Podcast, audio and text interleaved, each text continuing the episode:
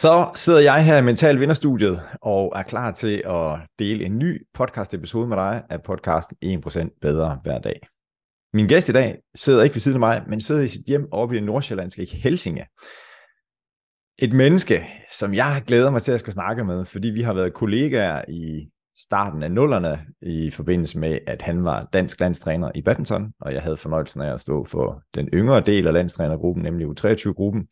Vi har rejst i forskellige dele af verden. Og så er det bare et menneske, som jeg beundrer meget, fordi han har en evne til at stille spørgsmål ved det eksisterende i form af at gøre tingene bedre. Og øh, han har enormt stor viden, men jeg beundrer også den her ydmyghed, øh, og han sagde det faktisk til mig, inden øh, vi gik i gang her, jeg er sgu ikke sikker på, han bandede ikke, jeg er ikke helt sikker på, om jeg har de rigtige svar, og jeg kan godt lide at vende og dreje tingene. Men det er i hvert fald en stor fornøjelse at byde velkommen til Sten Sleiker Pedersen.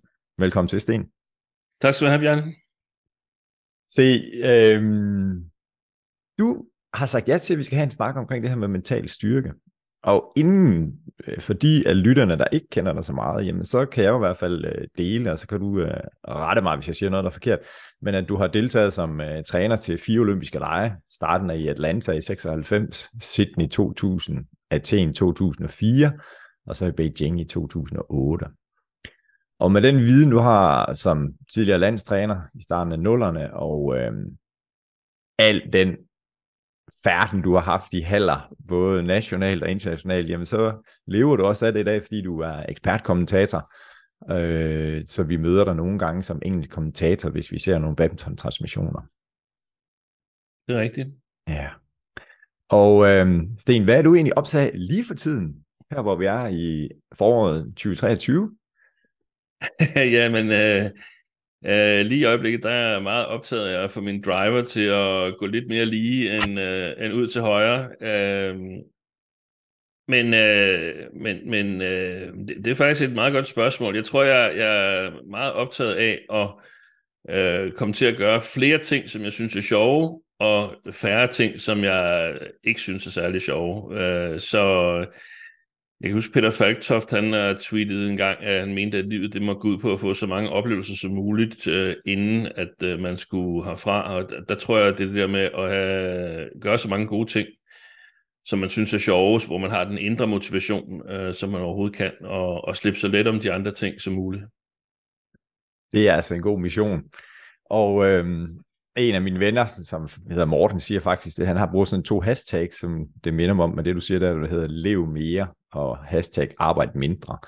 Øh, så det synes jeg er en god mission, at du er, at du er på. Så der var noget med noget golf, der får lov at fylde.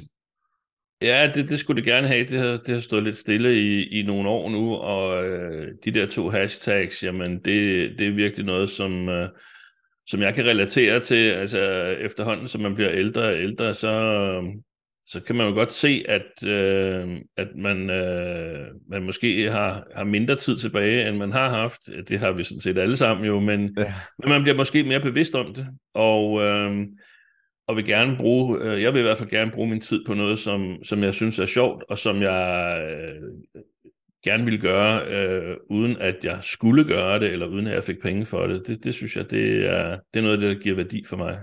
Ja, og jeg tænker jo med din fortid, og nu er vi begge to øh, passionerede omkring badminton, så har du jo formået set udefra øh, at gøre din hobby, badminton, til din levevej. Ja, det er Fordi rigtigt. der er jo noget med en, en ingeniøruddannelse, som, som, jeg ved ikke, hvordan du har brugt den, eller hvad? Altså, jeg tror, jeg brugte den til at få dagpenge de første to måneder, øh, efter jeg var færdig, men jeg spillede jo alt for meget badminton øh, selv på det tidspunkt. Ja. Så, så den der ingeniøruddannelse, den blev sgu for dårlig, altså det gjorde den, den var ikke rigtig til noget, og jeg kan tydeligt huske en, en dag, hvor jeg gik rundt ude i industrikvarteret i Hillerød, øh, der kiggede jeg ind i øh, en bygning og så på sådan nogle små øh, firkantede kontorer, sådan kuber, øh, nærmest celler, vil jeg beskrive ja. dem som. Ja. Og, og, og det står bare for mig som, ej, det var noget af det værste, jeg kunne forestille mig egentlig. Øh, og, øh, og skulle sidde derinde og, og regne og, og måle og, og så regne efter øh, to gange mere, fordi i, i kemi, der skal det være præcist, hvor hvis det er bygningsingeniør, så regner man og måler også, og så ganger man hele lortet med 20 til sidst, for at være sikker på, at det kan holde. Ikke? Så, ja. øh, så det, der, dengang der, der tænkte jeg, det var, det var måske ikke... Altså, jeg har aldrig rigtig søgt så meget øh, at, at komme til at arbejde inden for det fag, jeg var, jeg var uddannet som. Øh, så jeg, jeg blev ret hurtigt bevidst om, at, øh, at det, det var en beslutning, som jeg tog ret tidligt, at altså måske før jeg nåede 20 års alder, eller sådan noget lignende, mm-hmm. at, øh, at jeg vil, øh, jeg vil sige ja tak til de udfordringer, der kom, hvis de altså ellers var sådan rimelig fornuftige, og ikke var ulovlige, eller umoralske, eller et eller andet, så vil jeg, øh, så vil jeg sige ja tak. Og det var inden for badmintonverdenen, eller hvordan? Ja, det var primært inden for badmintonverdenen. Mm. det gælder formentlig også øh, udenfor øh, med nogle enkelte ekstra begrænsninger, men, øh, men ellers så det her med at, at ville videre, øh, det, det har jeg været bevidst om fra, fra det omkring øh, 20-årsalderen, at øh, jeg vil gerne udvikle mig. Ja.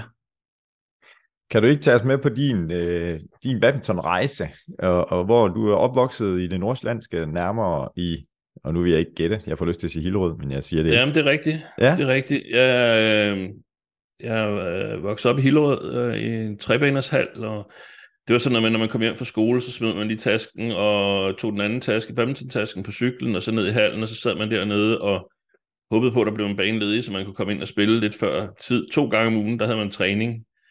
Uh, men, men jeg var dernede uh, hver dag, stort set. Uh, ja fordi det var der, der var godt at være, og det var sjovt, og det var igen den indre motivation. Øhm, efter jeg stoppede i... Øh, jeg flyttede, jeg tror jeg flyttede som 18-19-årig til Lillerød. Ja. Jeg var først en tur omkring Lyngby, men øh, det var kun en måneds tid eller to. Jeg følte mig ikke godt tilpas, øh, og så flyttede jeg til Lillerød og blev enormt godt taget imod af af de mennesker, der var øh, derovre, specielt Peter Buk, øh, var en, som sørgede for, at jeg blev sluset ind omkring øh, det gode sammenhold, der var øh, på det tidspunkt i, i Lillerød. Ja. Og så spillede jeg der til øh, ja, lige i starten af 90'erne, øh, hvor jeg så øh, i løbet af det blev, øh, blev indrulleret som ungdomstræner, øh, fordi at jeg også var lidt ekstra i hallen og så nogle af de andre holdkampe og sådan noget. Så det var Uh, en, som vi begge to kender, som desværre ikke er her mere, Mika Willesen, som, ja. uh, som tog fat i mig og spurgte, om jeg ikke skulle være træner der, sammen med Jette Bøj og, og, Lennart Klamer. Ja. Så derfra så gik det sådan slag i slag med at få uh, større udfordringer, og rejse lidt med Sjællandskredsens uh, ungdomsspillere, uh, være træner på et Team Danmark Center, uh, og så ind på, uh, på forbundstræningen, uh, da Morten Frost han var, var sportschef. Mm. Uh, ja, og der var jeg så i, i 15 år, sådan cirka, øh, hvor jeg er cirka halvdelen som, øh, som landstræner. Ja. Så, øh, så det er sådan der, hvor er min, min trænerkarriere, øh, hvad skal vi sige, er på toppen, eller mest øh, fylder mest i hverdagen og så videre. Så har jeg så været træner i, i Badminton Ligaen i to omgange i Greve, og nu i, i Team Skelskør siden da. Ja, og der har du lige lavet kontraktforlængelse, og I har jo i Skelskør, der har du øh, vundet mesterskabet, to sølvmedaljer og en bronzemedalje. Har jeg læst mig til i den tid? Ja, at... Jeg kan ikke så godt huske de der sølv- og bronzemedaljer, men det er rigtigt, vi vandt et ja, det er nemlig det. og der, der løfter vi måske allerede sløret lidt på det her med, hvad der kender en mental vinder, fordi det skal vi jo snakke om. Sige, hvad, hvad er der for nogle ting, vi, vi husker, og, ja. og hvad er det, vi har, vi har fortrængt? Og øhm, og der får jeg lyst til at stille sådan et spørgsmål. Nu har vi været lidt tilbage, og vi kommer også til at, at kigge fremad. Men hvad er det for nogle resultater, eller nu snakker vi også det her med oplevelser, som siger, at det er oplevelserne, at, at vi gerne vil have nogle, nogle flere af. Mm, hvad er det for ja. nogle resultater og oplevelser, du ser tilbage på med stolthed, at du har opnået eller været en del af? Jamen det, øh, altså, det første, øh, som jeg kommer til at tænke på, det er, øh, da vi med Greves første hold øh, i det, der var første division eller anden division, altså den næstbedste række, der slår vi Gentofte 2-7-6 i, øh, i en afgørende kamp i nedrykningsspillet. Ja.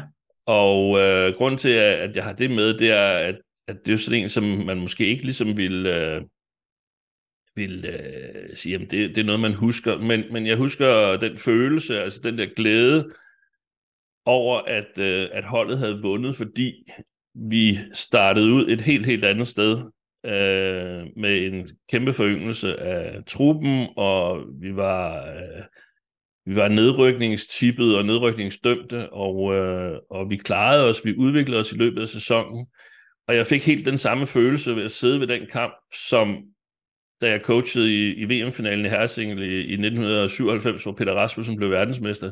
Det var præcis den samme følelse.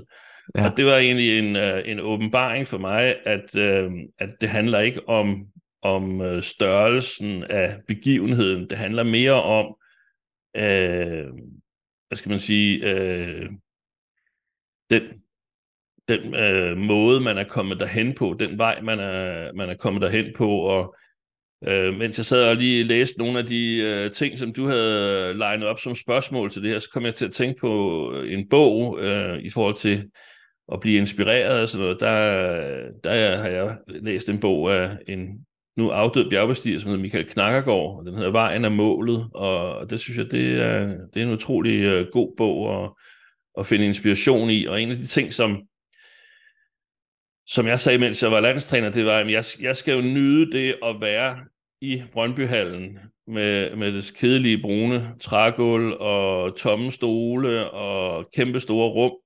Det skal jeg jo nyde at være der i de her 200 dage. Jeg skal jo nyde hverdagen. Hvis ikke jeg nyder hverdagen, så kan det være lige meget. Så det er det, jeg skal søge efter. Altså de, de dage, hvor man er ude og spille turneringer, sidder og coacher første og anden runde, hvor man flyver fra det ene sted til det andet. Mm. Øh, de, de gør det ikke op for, hvis man ikke, øh, hvis man ikke nyder hverdagen, synes jeg. Mm. Så der, jeg tænker mig også det her med, om, om du er procesorienteret eller resultatorienteret, det har du så lige øh, delt ja. med os her. Ja, ja. klart proces. Mm, ja. Fedt.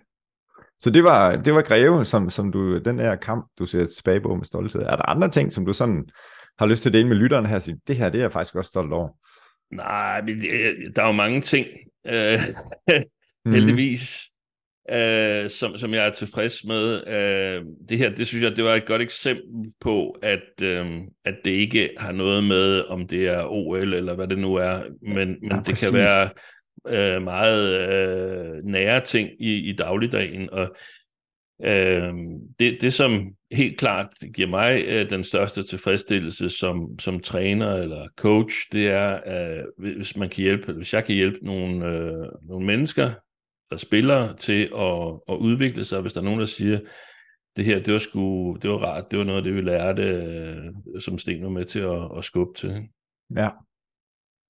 Og der har jeg i hvert fald haft fornøjelsen af at være, være med på sidelinjen, da jeg arbejdede sammen med dig i Brøndby, og, og se de her dels din evne til at sige, hvad er det for nye konstellationer, vi skal have, for at vi kan begå os med verdens bedste. Altså der tænker jeg på tilbage i nullerne med, med Lars ja. øh, Påske, Jonas Rasmussen, og, og der var nogle overvejelser omkring Jens Eriksen og Martin Lundgaard, og der har også været en rejse med, med Tine Bavn, som skulle ja. overtage efter Camilla Martin.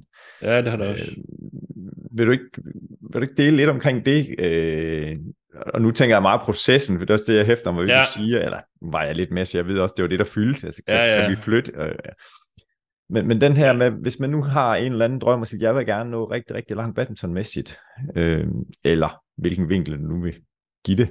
Ja.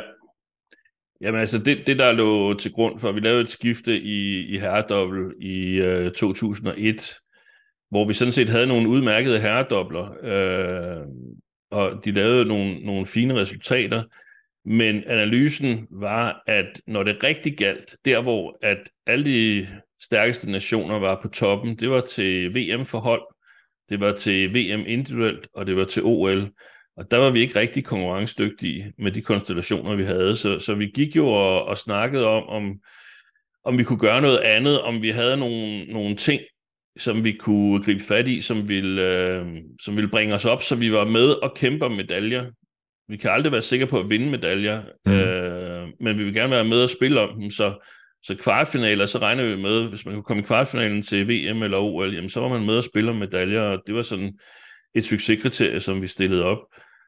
Og så, øh, jamen, så gik der noget tid, hvor man gik og kiggede lidt øh, frem og tilbage, prøvede nogle konstellationer af på træningen, snakkede lidt frem og tilbage, og... Øh, begyndte at snakke med spillerne, øh, begyndte måske også at præge dem en lille smule mm. i, øh, i en retning, så, så man senere kunne komme igennem, når, når, det, øh, når det endelige slag skulle slås. Og, og en af de ting, som jeg i hvert fald er stolt over, det er, at jeg tror, at der var syv ud af otte spillere, som blev øh, rokeret rundt her, som alle sammen øh, synes, at de øh, gik til noget, der var bedre, fordi at der var nogle ting, som de kunne se, at det her fik de ved at, at skifte til en, øh, til en anden konstellation. Um, så så det, det synes jeg, det var en, øh, en spændende proces. Uh, heldigvis er der rigtig mange, der husker den proces. Der er ikke så mange, der husker samme proces med damedobbelt. Det gik virkelig uh, skidt. Uh, vi ramte ikke de rigtige konstellationer. Mm. Uh, eller også uh, fik vi ikke udviklet nok på dem, eller vi havde ikke lang nok tid. Der, der er mange, mange ting, som, uh, som skal gå op i en højere enhed i, i, uh, i sådan et, uh, et move der, hvor at, uh, man skal være på det rigtige sted på det rigtige tidspunkt og have en masse held, og det, det havde vi bare ikke i, i dame-dobbeltkonstellationerne. Det har de fleste glemt, men, men det har jeg ikke. Nej. Men vi gjorde vores bedste, eller gjorde det, altså forsøget og intentionen var der. Vi, vi, gjorde, vi gjorde vores bedste, vi gjorde forsøget, vi prøvede at, altså det, det man måske kan sige, at, at vi gjorde lidt forkert, det var, at vi prøvede at lave samme resonementer som i, i herredobbelt, og, og det var ikke korrekt, fordi det var slet ikke de samme ting, øh, som, som øh, vi skulle have haft fat i der med, øh, med pigerne kontra med herrerne. Altså, den der indbyrdes konkurrence, den var, den var sund for herrerne, men den var lidt mere ødelæggende for damerne, tror jeg. Mm. Og med den erfaring, du har, og netop det her med at være i hallen som træner, men også som spiller, og ikke i, i kuberne op i den her ingeniørvirksomhed, eller hvad det nu var, du så ja. oppe i Hillerød, men det store rum. Hvad, hvad, hvornår har det så været en god træning? Eller, nu har jeg arbejdet med nogle af de bedste squashspillere i Danmark, og spurgt en træner i, øh, i squashligaen, siger, hvad så, kære træner? Hvad vil du helst have på træningen? Vil du helst have harmoni eller disharmoni? Hvad, hvad er dine ja. tanker og erfaringer omkring det? Jeg vil helst have harmoni. Mm. Øh, fordi jeg bruger for mange kræfter på, og altså, der er for mange det, øh, der er for mange procent af min opmærksomhed, der går mod, øh, mod øh, disharmonien, øh, eller det uharmoniske, hvis det er der. Og det, det ligger jo i, vi er begge to uddannet i øh, TT38, talenttest. Det hedder talenttesten, ja. Og jeg, jeg har øh, talentet harmoniskabende ret højt, så jeg prøver at, at stræbe mod harmoni, og det vil sige, at øh, sådan konfliktsituationer, det øh, er ikke noget af det, som jeg befinder mig bedst i jeg, jeg kommer ofte i dem alligevel, men, mm. men det er ikke noget, som jeg stræber hen imod. Og hvordan, fordi set udefra, også når jeg snakker med nogle andre, det her med, at der ikke er et klart hierarki øh, blandt spillerne, kan være noget af det, der er med til at løfte og udvikle øh, niveauet hos for eksempel herresinkel eller damesinkel. Eller, hvordan, hvad er din, nu har du stået nede på gulvet, hvad, hvad er din erfaring omkring det? Altså, ja, men der, der er jo næsten altid et hierarki, øh, fordi i, i sport, der har vi en tendens til at, at sætte den stærkeste øh, sportspræstation øverst i, i hierarkiet, og mange af problemerne kommer, når den stærkeste sportspræstation øh, på grund af personlige egenskaber alligevel ikke ender øverst i øh, hierarkiet jamen så bliver der nogle ting, hvor man ligesom siger, jeg regnede med, at når nu jeg laver det her resultat, jamen så skulle jeg få de og de her goder og privilegier osv., så, så jeg har dem ikke alligevel. Mm. Jeg har ikke den her respekt for min, øh, for min øh, træningspartner, eller hvad det nu kan være. Ja. Og så, så er det, der går, øh, går kluder i maskineriet. Ikke? Og, og, og det er jo der, hvor man kan sige, at, at det hierarki, øh, det er ikke udelukkende, det er ikke 100% baseret på de spilmæssige egenskaber. Man kan faktisk have nogle, nogle, øh, nogle øh, personlighedstræk, som gør, at, at man ikke får til fulde indfriet det, øh, de hierarkiske øh, potentiale, som man, som man måske har. Mm, ja. Og hvis vi laver en parallel til, til erhvervslivet, så, så er det også netop det her med, jamen, øh, hvem er den formelle leder? Hvis jeg kigger på organisationsdiagrammet, så kan ja. jeg se, det er den og den. Men da jeg var der fornemme, og der er der en, der er uformel leder her i den her gruppe. Det ja. kommer jeg til at tænke på med det, du siger, at, at, at, det er, at, det, at det er noget af det samme. Mm. Ja, jeg, jeg blev opmærksom på det øh, i øh, midt-90'erne, hvor vi var to i Atlanta, hvor at øh, håndboldkvinderne, de gjorde det rigtig, rigtig fint. Øh, men det var ret tydeligt, at, øh, at Anja Andersen, hun var jo klart den stærkeste håndboldspiller. Altså, øh, over de andre. Der var mange andre gode også, øh, mm. som, som øh, kunne supportere hende, men hun havde ikke den samme plads i hierarkiet, som hendes håndboldmæssige evner øh, berettede hende til. Jeg synes i øvrigt, at det er en enormt inspirerende historie med, med Anja Andersen, og jeg kan kun anbefale øh, hendes sidste bog, som hedder At blive den, man er. Den er, den er helt fantastisk, og i virkeligheden indrammer rigtig meget af det, som elitesport øh, handler om, som, som vi har oplevet med de spillere, øh, vi har trænet, og det, det er en, en eftertanke fra hende, hvor hun ligesom øh, som jeg ser det, er, er kommet i mål og, og har accepteret og fundet ud af, hvem hun er. Det var allerede to tips, du har givet her. To bøger. Ja, der er to, der kommer flere. Ja, men det der kommer godt, byer. Og det kommer til at stå nede i show notes, episodenoterne her. Michael Knakkegaard og Anja Andersen. Ja. ja. Fedt. Uh, nu var vi lidt i, i træningshallen, og vi har snakket den her udvikling, og du har snakket omkring det med herredublerne. Øh, du er jo øh, medforfatter til den her bog, der hedder Far, Mor Badminton, som, ja. øh, som du har skrevet sammen med Claus Bundgaard, og den her handler omkring, hvordan kan du blive den bedste forælder øh, til dine børn eller badmintonbørn. Og, og i den er, er der jo også øh, noget omkring Tine Bavn og, og den rejse, som man kalder det en rejse eller proces, som, ja. som, som du og Tine har gennemgået. Øh, vil du dele lidt af den, eller, eller dele ja, nogle det, sådan det, nogle turning ja, det kan points. jeg sagtens. Jeg har også øh, jeg har brugt den i nogle foredrag også om, uh, hvordan man går fra at være god til at, at være rigtig god og, ja. og så videre. Det er jo øh, altså det er jo en anden ting, som jeg da godt kan sige, at det, det er jeg da stolt over, at øh, da jeg overtog som landstræner, der tror jeg, at den generelle holdning var, at, at dansk badminton ville dø, når, når Camilla Martin og Peter Gade, de stoppede med at spille. Mm. Og der kunne jeg da godt se nogle paralleller til, øh, til nutiden her, hvor når Victor og Anders de stopper, jamen, så er vi helt væk, så, så er vi blanke. Og, og det skete bare ikke. Og det var også fordi, at vi arbejdede hårdt, og vi også var gode, sammen med en masse andre, som, som hjalp os, øh, ikke mindst i ledelsen. Mm. Men, men det der jo skete, det var, at øh, på et tidspunkt, så, så tog vi en, øh, en meget hård øh, samtale med, øh, med Tine, fordi øh, jeg havde kendt Tine, siden hun var 10 år, og flyttede til Lillerød som ungdomsspiller, og jeg, jeg kunne godt se, at hun havde nogle, øh, nogle muligheder, men ikke hvis hun prøvede at spille ligesom Camilla Martin, så, så hun skulle ligesom finde ud af, hvordan skulle hendes øh, spillestil være, og mm. øh, det er jo svært, når, når, når folk hele tiden omkring fortæller, at øh, alle dem, der kommer efter Camilla Martin, de er ikke noget værd. De duer ikke, de kan ingenting. Ja. Øh, selv øh, tidligere landstræner og så videre, så videre, jamen der var jo, jamen det, der kommer ikke nogen i, så længe de levede, så ville der ikke komme nogen, der kunne efterfølge uh, Camilla, og uh, og vi er og sætter... Camilla, Camilla, undskyld op, men Camilla vinder VM i 99. 99. Ja. Og sølvmedaljen, er det i Sydney 2000? Det er Sydney 2000. Camilla vinder ja. OL-sølv. Ja. ja. Mm. Undskyld, bare fortsæt. Som i øvrigt også er en god historie, hvor hun også var lang tid undervejs, uh, Camilla Martin, og, mm. øh, og måske i virkeligheden til sidst blev en uh, mental vinder, men var det bestemt ikke uh, i, i starten. Uh, så, uh, så det her møde med, med Tine, jamen det, det satte gang i en, uh, en proces, som, uh, som tog lang tid, og som var øh, af snørklet veje. Øh, den var sat i stå nogle gange, fordi hun sprang af kildescenen og så videre, så videre. Men, men humlen i det var, at vi skulle finde hendes spillestil, og øh, skulle hun, øh, vi skulle udvikle på, øh, på selvtillid og selvbillede.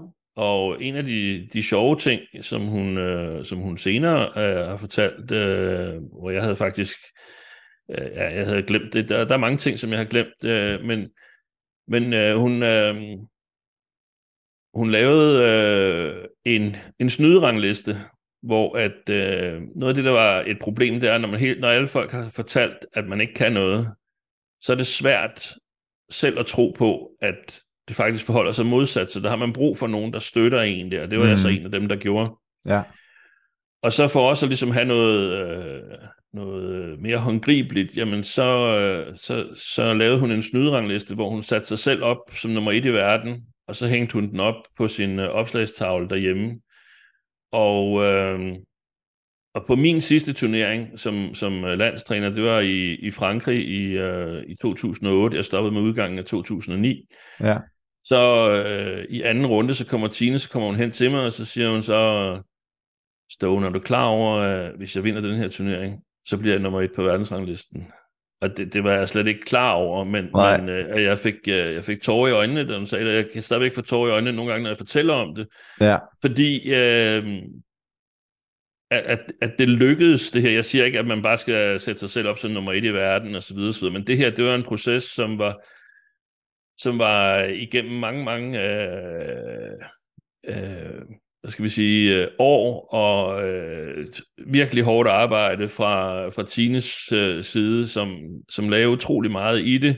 Mm. Øh, og øh, ja, han fik en, en karriere. Jeg har også gemt øh, nogle af de øh, mål, vi satte øh, for vores øh, årlige møder, ja. eller halvårlige møder, og, øh, og det skal ikke at se tilbage på dem og se... Øh, hvor små de mål var i forhold til, hvad hun i virkeligheden nåede. Hun havde stort set overgået på samtlige parametre øh, siden dengang. Så det er jo, hun har haft en, en rigtig øh, succesfuld øh, badmintonkarriere. Øh, og, og det tror jeg er en, er en super vigtig læring, at, at badminton, det, altså du kan ikke ændre på din højde og drøjde og så videre, så videre, men badminton, det er altså noget, man kan lære. Det er ligesom at gå i skole. Mm det kan læres. Det, det lægger et stort pres på os andre, som ikke har formået at lære det, eller ikke har villet det nok til den, øh, altså til, i forhold til det, som, som andre har villet. Men, men jeg synes også, Victor Axelsen er et godt eksempel på det, for der var en hel masse, da han kom op, som sagde, han er, han er alt for høj, han er alt for mm. stor. Man kan ikke spille herresingle, hvis man er så stor. Ja. Og, øh, og det har han jo øh, modbevist øh, på mest fantastiske niveau og måske øh, øh, den herresingel med de bedste resultater øh, igennem tiden af, af danskere, og det leder mig tilbage på, øh, på en anden øh, sådan inspirationsbog, øh, bog, øh, Stifinder af, af Lasse selv, hvor han øh, hvor han møder øh, Arne Nielsen og øh, Christian Frederiksen, som roer kano, og de siger, at de kan ikke rigtig, øh, de kan sgu ikke øh, kæmpe mod de her østtyskere og sådan noget, fordi de er store som huse, og de andre, de selv, det er nogle små nogen, og, og så ja. videre, så videre, så de har mange flere kræfter at lægge i, i de her pagajer, eller padler, jeg ved ikke, hvad det hedder i, i jeg, kan, jeg ved heller ikke, om de ruder kano eller kajak, men, men hovedparten, eller pointen er, at man senere fandt ud af, at det faktisk var en fordel for en roer i kano. Jeg tror, mm. det var mhm. kano. Ja. Ikke at have så lange arme. Det yes. vidste man ikke på det tidspunkt, men der Nej. troede man bare, at man skulle være store som hus, og masser af muskler, og så videre, og så videre.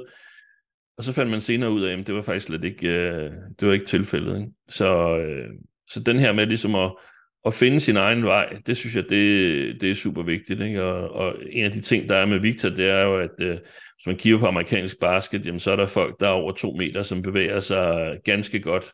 Så må det også kunne lykkes på en for 1,94, hvis, øh, hvis han sætter sit, øh, sit mindset ind på det, og det har han jo gjort. Ja, jeg tror, i, i fodboldverdenen, Holland fra Norge, Manchester ja. City-spillerne, er vist også, uden jeg er helt skarp på dem, ret høj. Øhm, jeg tror også, nogen sagde, at han er jo alt for høj, hvordan kan han være så god, som han er? Hmm. Ja, ja. ja. Jeg tror, der er lavet nogle øh, memes, øh, nogle jokes med, hvordan øh, forskellige fodboldspillere gør i forskellige situationer, hvor han bare fuldstændig kvaser alt modstand. Øh, men men det, det synes jeg, det, det er super vigtigt, det der med at finde sine styrker og, øh, og arbejde på dem. Mm. Jeg husker jo, da, da jeg havde ansvar for de uh, unge, og der var der sådan en kataminelejr, som blev kaldet, hvor man samlede de bedste uh, unge talenter, U19-spillere og U21, U23 spillere. Og, og hvor du arbejdede, eller vi arbejdede med på landsholdstræning, det der hedder Træet. Ja. Øh, hvor der var en stamme og nogle øh, rødder. Kan du kort fortælle om den? Jeg, jeg tror faktisk, det bliver for vanskeligt at, at sætte folk ind i, i hele den, hvad skal vi sige, metafor omkring uh, træet, men det var det her med ja. at, uh, at have noget, som man så frem til, noget, som man gerne ville uh, opleve eller nå. Det var ligesom bladene og, øh, de flotte, når de blomstrede og så videre, så videre. Stammen, det var ligesom øh, grundpælen i ens spil, mm. og så satte man ekstra øh, grene på, når man mødte nogle øh, forhindringer, så prøvede man at finde ud af, hvordan kan jeg løse dem, og der kunne også komme grene på sidegrenene og så videre, så videre, så efterhånden så byggede man et stort træ. Ja. Det mentale i det her, det var jo rodnettet, det var det, der skulle være rigtig stærkt, når, når stormen blæser, og, og tingene ikke går så godt, at man er skadet, og, eller man øh, arbejder på at udvikle øh, nogle ting i sit spil, som man har lidt svært ved, så får man dårligere resultater i en periode. Det skal man være klar til at kunne acceptere. Øh, så, så det var sådan i korte træk yes. øh, træet, og så var der lidt med også, at der var nogle der kunne være nogen, som kom med en vandkande, og der kunne også være noget ukrudt med, med nogen, som man skulle... Altså lidt, hvis man nu øh, er i et forkert miljø, øh, med de forkerte backups og de forkerte ja. venner og så videre, så, videre jamen, så virker det, øh, øh, hvad skal vi sige, hæmmende for, for træets vækst. Øh, men der kan også være nogen, som er positiv for træets vækst, og det vil så sige ens egen udvikling som badmintonspiller, det er dem, som kommer med vandkanden. Ja, er super metafor.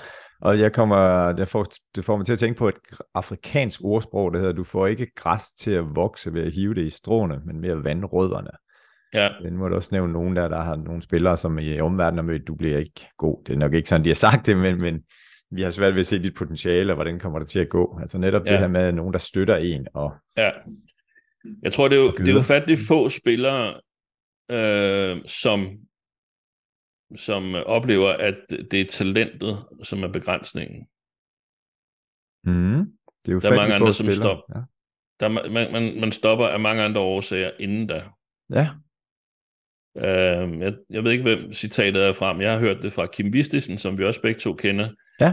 Uh, at det her med, at, at uh, der er rigtig mange, som slet slet ikke når at og øh, i nærheden af at udnytte deres øh, fulde potentiale som, øh, som spillere, fordi de træffer nogle andre helt legitime valg. Altså, det, det, er jo, det er jo den første ting. Man kan jo sagtens blive lykkelig uden at være god til at spille badminton, eller ja. en hvilken som helst anden sportsgren. Ja. Faktisk er det måske mest fornuftigt at vælge noget andet, lave et computerprogram, eller en app, eller et eller andet, øh, hvis man gerne vil tjene mange penge.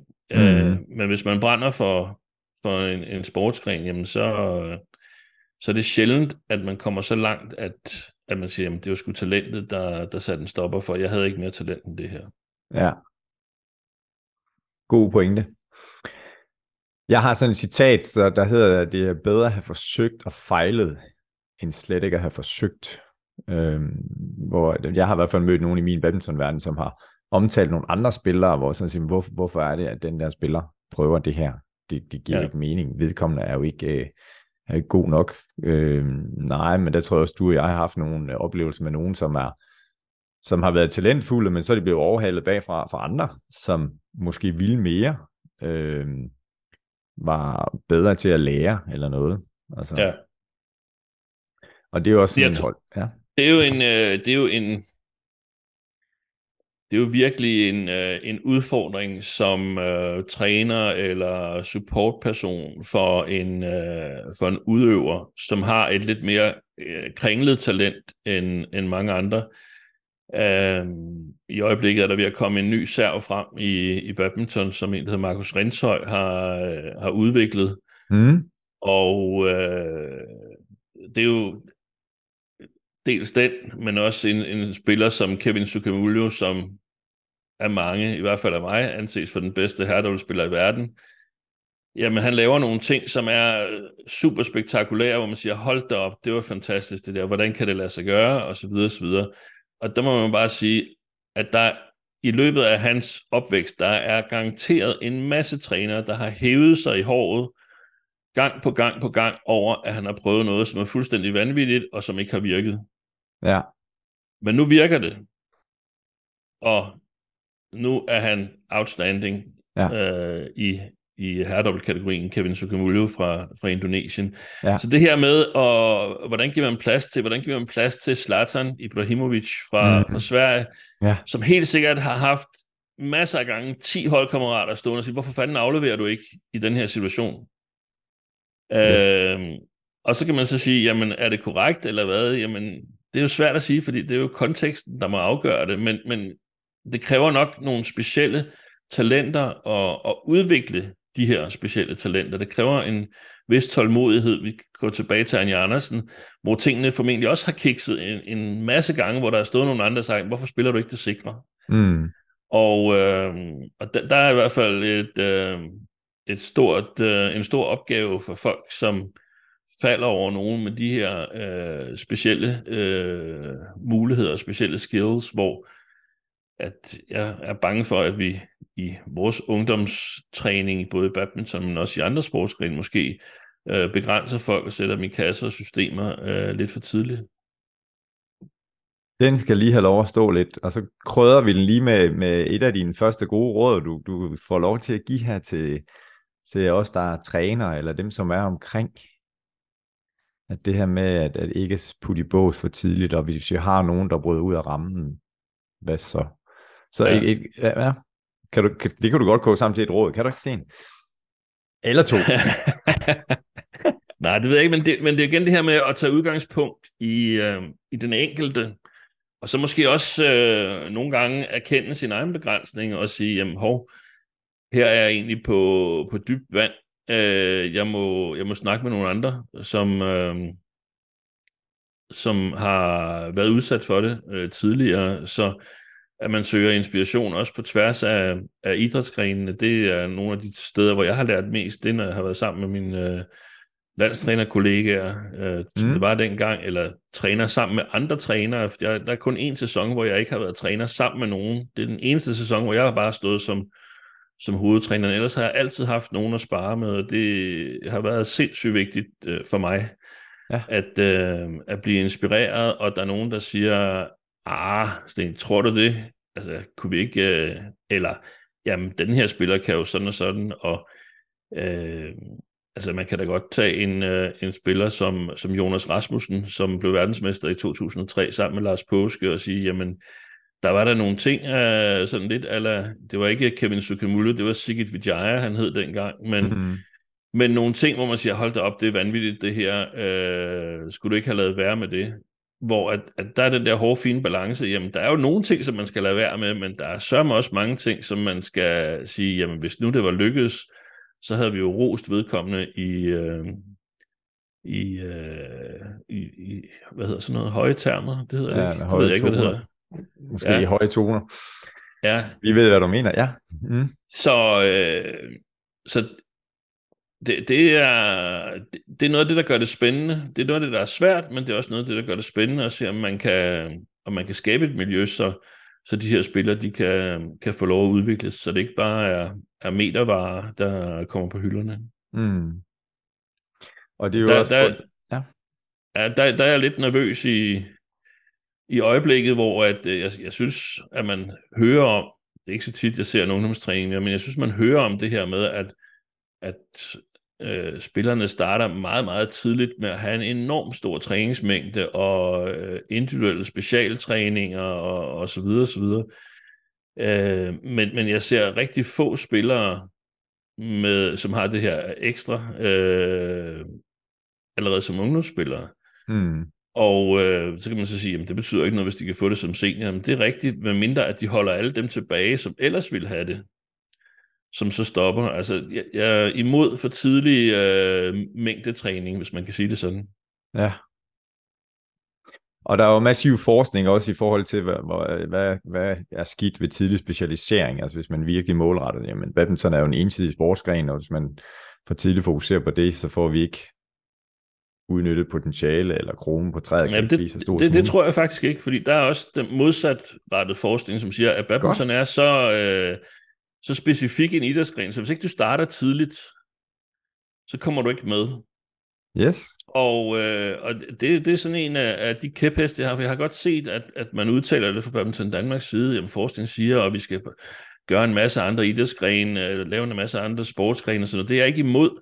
Jeg siger bare, at vi skal sørge for at have prioriteterne i orden, hvis det er, mm. man gerne vil noget inden for badminton. Altså, så skal man være klar over, at, at man er nødt til at starte forholdsvis tidligt, fordi ellers så kommer man ikke i mål. Der er, bevægelserne i badminton og øh, teknikken, den, det, det er så specielt, så hvis ikke du starter tidligt, så er det rigtig svært at komme med. Ja. Godt. Vi skal, øh, nu tager vi hul på det her med det mentale. Ja. Sten, hvis du skulle definere, hvad synes du, der kendetegner en mental vinder, eller en person med et mental vinder-mindset, en mentalt stærk person? Jamen, det, det er super svært, synes jeg, fordi øh, jeg, jeg prøver, det, det er sådan set altid prøver at gøre, det er, at jeg prøver at tænke, kender jeg nogen, der er mentale vinder? Og øh, det ved jeg ikke, om jeg gør. Det gør jeg jo nok. Jeg kender måske endda mange, men, men jeg ser dem jo ikke som at sige, om det er så en mental vinder. Mm. Øh, tidligere, der kunne jeg tænke, det er så en, som altid vinder omspil, eller sådan noget. Så øh, Ja, en mental vinder, det, det synes jeg, det er et super bredt øh, begreb. Og, og ja. øh, jeg, kan, jeg kan godt lide, jeg, jeg er jo fagidiot, og, og øh, vil gerne bruge analogier til badminton og sådan noget. Det, det er jeg ikke sikker på, man kan i det her med at være mental vinder, men, men noget af det, som da jeg, da jeg prøvede at tænke over det, kom frem til, det var, at, at jeg tror, det er en, som øh, ser fremad, mm. som er selvbevidst, øh, som er løsningsorienteret, i stedet for ligesom, at ej, nu, det kan ikke lade sig gøre det her. Ligesom, hvad, hvad, hvad skal vi så gøre? Hvad kan vi gøre? Hvordan kan vi gå udenom? Kan vi hoppe over? Kan vi grave igennem? Kan vi sprænge det væk? Eller et eller andet. Ja. Øhm, så tror jeg, at det er en, som øh, bruger læring fra fortiden. Altså man bruger læring til at ikke forudsige fremtiden, for det tror jeg ikke, man kan, men men man bruger det til at forberede sig øh, så godt som muligt på, på, øh, på fremtiden. Og jeg tror, det er en, som udvikler sig. Det tror jeg er, er rigtig vigtigt øh, i forhold til det at være selvbevidst. Man skal være mhm. selvbevidst for at kunne udvikle sig og øh, opnå en, en større forståelse øh, for sig selv og for andre, ikke mindst. Fordi det, det tror jeg også er super vigtigt, at man får øh, forståelse for andre mennesker og, og en større indsigt i både sig selv og, og andre mennesker, så man kan, så man kan bringe sin, øh, sine bedste sider i spil, øh, sine talenter, sine kompetencer mm. i mhm. spil, fordi øh, det, det er det, der, der rykker noget. Det, det er sjældent, der er nogen, der, der er blevet fantastisk ved at, at give sine øh, halvdårlige sider videre til andre, eller, eller prøve at, at, at udnytte dem til noget godt. Ja. Fedt. Og Sten, det er jo en af de ting, jeg bunder ved dig. Når du lukker munden op, så får du mig, i hvert fald også andre, til at tænke øh, med de her ting, som du siger. Og der, og der er jo mange, altså den her evne til at reflektere, hvor du selvbevidst.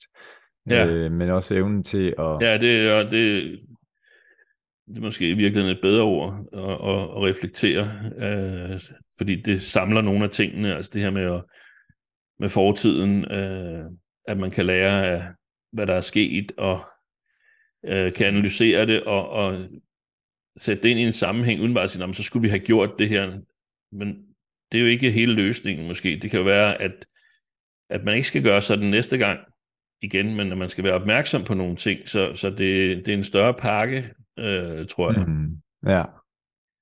Øh, og så igen, hvis... en, ja, bare kom en af de her ting øh, for at være øh, en mental vinder, det var noget, som vi arbejdede med øh, med, med Tine Bavn. Øh, det, det her med, at man beslutter sig for at fokusere overvejende positivt, det var en inspiration, som, som kom fra en af vores øh, begge tos bekendte, John Andersen, mm. øh, erhvervspsykolog, øh, hvor han har den fra. Det, det er sikkert en, der har rejst øh, vidt og bredt, øh, men, men det her med, at, at det, der virker, det er at, øh, at sætte fokus på det, man gør godt, og kun i mindre grad øh, fokusere på, på ting, som man gerne vil gøre bedre. Og det, det synes jeg, det er en rigtig stor udfordring i trænerverdenen, hvor vi har utrolig mange fejlfindere, mm. som kan fortælle dig, hvad du gør forkert, men de kommer ikke med nogen løsninger på, hvad, hvad, hvad skal du så gøre i stedet for? Ja. Og det er, jo, det er jo nogle af de ting, som er sjove, når man kan lytte ind på coaching, og nogle gange, øh, øh, både på dengang man sendte Badminton Liga i, i fjernsynet i, i Danmark, og, ja. og på, på, øh, på andre turneringer og sådan noget, og, og høre, hvad der, hvad der bliver sagt. For jeg kan da huske for, for år tilbage, det var nok dengang jeg selv var landstræner, øh, der hørte jeg nogen... Øh, nogle coachinger, hvor at øh, pas på med at spille ned i baghånden, og være forsigtig med de flade slag, og virkelig opmærksom, og skal altså ikke uh, spille alt for meget til nettet og sådan noget. Så det var alt, alt sammen ting, man skulle holde sig frem. Hvor, hvor, hvor skal man så skyde bolden hen? Ikke? Ja, ja. Jeg tror, det er vigtigt med løsninger og, øh, og fokus på, på noget af det, der virker, og det, man gerne vil have folk til at gøre. Ja. Super vigtigt det her. Jeg vil da også godt lige dele en god fejl, jeg havde lavet, og det var mere over på, på det mentale område. En, en, en pige, som jeg var træner for, som havde en opførsel, som ikke stod mål med de værdier, jeg har, også som klubben havde, og så sagde den der opførsel, den vil simpelthen ikke have. Det skal du stoppe med. Øh, og så var turneringen så slut. Det var en indvæld turnering. I Jylland kalder vi det for stævner. Øh, ja. Kom hjem, og så, og så, øh, så sagde moren til mig efterfølgende, ja, øh, min datter fortalte, at du har haft den der snak og sådan noget, og så sagde datteren knivskarpt, jamen hvorfor sagde Bjarne ikke til mig, hvad jeg skulle gøre i stedet for? Så, så det er jo simpelthen bare en fantastisk illustration af, at, at jeg også er sådan et, det her det vil jeg bare ikke være med til. Nej, Bjarne, men så prøv at hjælpe hende. Hvad er det så, hun skal gøre fremadrettet? Ja. Øh, og det er i hvert fald en af, af de her læringer, som, som har givet mig rigtig meget, og du minder mig også om det igen, husk nu at tale om det, vi gerne vil have til at ske. At, at og, det, gør, det... og gør det forståeligt. Ikke? Ja. Der er et, en, en anden inspiration, øh, øh, Barcelona, da, da Pep Guardiola han var, var træner, hvor at de skulle spille presfodbold. Og hvis man nu får at vide, at man skal spille presfodbold, eller gen, vi skal have genpres, mm. genpres, ja, det er da fint nok, men hvad fanden er det? Ja. Hvor han brød det ned i forståelige ting, og ligesom siger, jamen, øh, det handler om, at hvis vi har tabt bolden, så skal alle, der er inden for 3 meters afstand af bolden, de skal jagte den de næste 5 sekunder. Ja. Så er det helt konkrete handlinger, øh, som, som man øh, får kommunikeret ud. Det, det tror jeg, det er vigtigt. Det er en af de ting, som jeg gerne vil være øh, bedre til. Og der kommer så øh, øh, bogtip nummer tre. Øh, yes. Øh, og det er, hvad hedder han, øh, Mønster, hedder han Morten Mønster, tror jeg. Ja. Øh, med, med Jytte øh, fra marketing. Og det er, er ikke YouTube. Det er ikke YouTube-helten her, Morten Mønster, men det er Morten Mønster, ja, som også hedder noget andet. Yes. Ja. Jytte fra marketing er gået for i dag. Ja. Ja. Som, øh, som jeg synes er, er utrolig god også til ligesom at sige, jamen, vi, vi skal ikke gøre det, som lærebøgerne siger, eller som, som vi tror, vi skal sige. Vi skal gøre det, der virker. Og, øh, og hvis vi ikke ved, hvad der virker, så må vi finde ud af det, så må vi komme ud af kontorstolen og ud i hallerne. Ja. Øh, så det, det er også en, øh, en, en god bog at, at blive klogere af. Bestemt. Jeg kan også anbefale den. Har læst den. Har den stående på hylden. Ja. Så det var en mental vindersten. Du sagde det ganske kort, men hvis nu skulle sige det modsatte, og jeg har lært igennem over 100 episoder her, jeg må ikke sige, hvad en mental taber, det siger min gæst, det kan vi ikke arbejde med. Men hvad, hvad kendetegner en adfærd hos en person, som ikke er mentalt stærk, hvis vi kan formulere det på den måde? Ja, det, jeg tror, øh, frygt, mm. øh, ofte ansvarsfralæggelse, det er altid nogen andres skyld. Ja. Øhm, sidde fast i mønstre, ikke turde bryde ud af mønstre, eller ikke turde bryde ud i lang nok tid. Mm. Øhm, og det er jo det her med, hvis man skal gøre noget, som, som man ikke har gjort før, jamen så, så virker det højst sandsynligt ikke lige med det samme. Faktisk bliver det nok en lille smule dårligere. Og, øh, og der skal man øh, hvad skal vi sige, søge ud af det, som vi normalt gør. Så, hvis, det, hvis jeg bliver dårlig til det, så vil jeg ikke. Så, det kan jeg ikke. Så vil jeg hellere holde mig til det, som, som jeg ved, jeg kan. Ja. Øh, så ufleksibel. Øh, ja. Jamen, der er mange ting. Altså, det, og der, der er mange af dem. Og vi har øh, ja. Ja. Mm. Hvis vi så sætter fokus på dig, ja. Og så sige, fordi at jeg beundrer dig for den rejse, også det vi snakkede, snakkede om her, at, at jo mere livserfaring du har fået, blevet mere opmærksom på den der med at, at få gode oplevelser. At, at det er det, der giver mig noget livsglæde, eller lykke, eller livstilfredshed. Ja. Hvordan med din øh, mental styrke, hvordan har den udviklet sig? Og har du altid været mentalt stærk, eller har der været nogle episoder i dit liv, som har været med til at, at styrke dig på det mentale? Nej, jeg, jeg har bestemt ikke altid været mentalt stærk. Øh, der har været mange episoder. Øh, jeg tror, en, en vigtig ting, det var den her øh, beslutning om at, at tage imod udfordringer. Mm.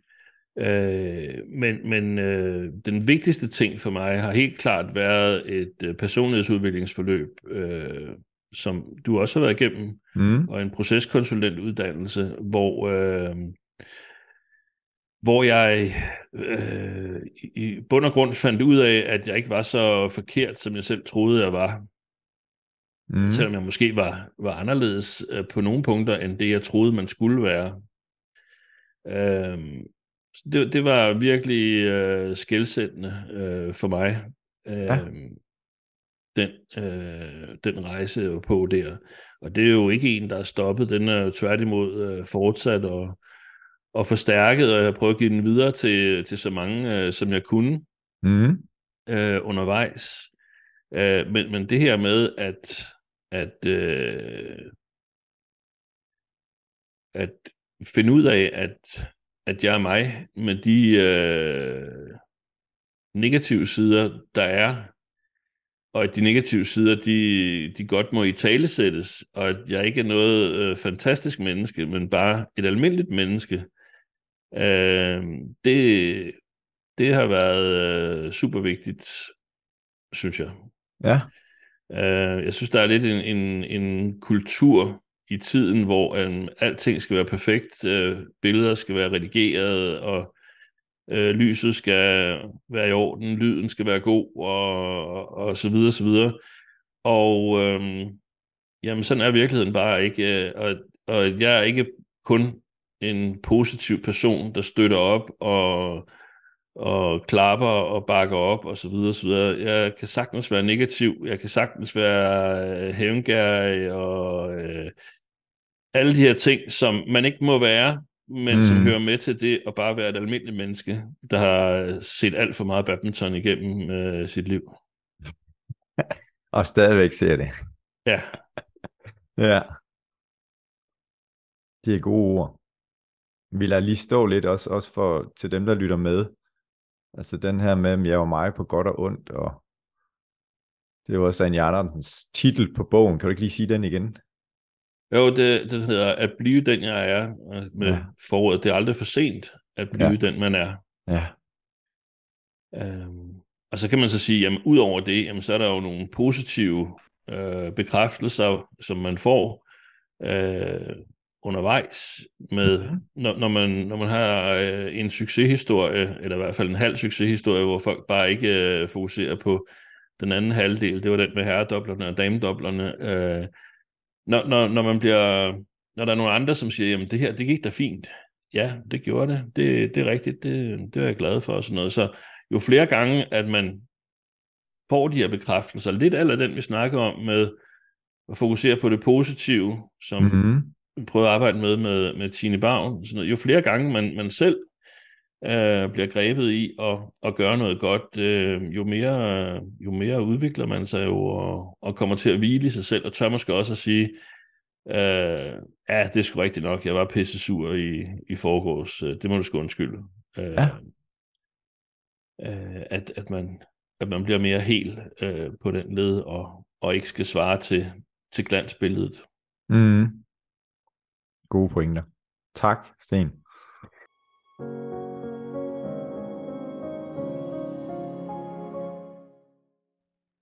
Tak til denne episodes samarbejdspartner, Unix, Unix Scandinavia. Du finder Unix eller Unix Scandinavia på de sociale medier på Instagram eller Facebook. Og Unix er min foretrukne leverandør af Ketcher udstyr. Det er jo afslutningen på første del af samtalen, som Sten og jeg havde. I næste uge får du lov til at høre anden del af interviewet med Sten Sleiker Petersen Glæder dig til i anden episode af samtalen at få tre gode råd til dig, der gerne vil være mentalt stærkere.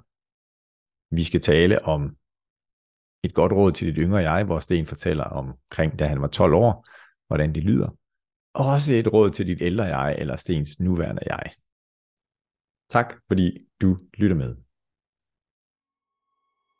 thank you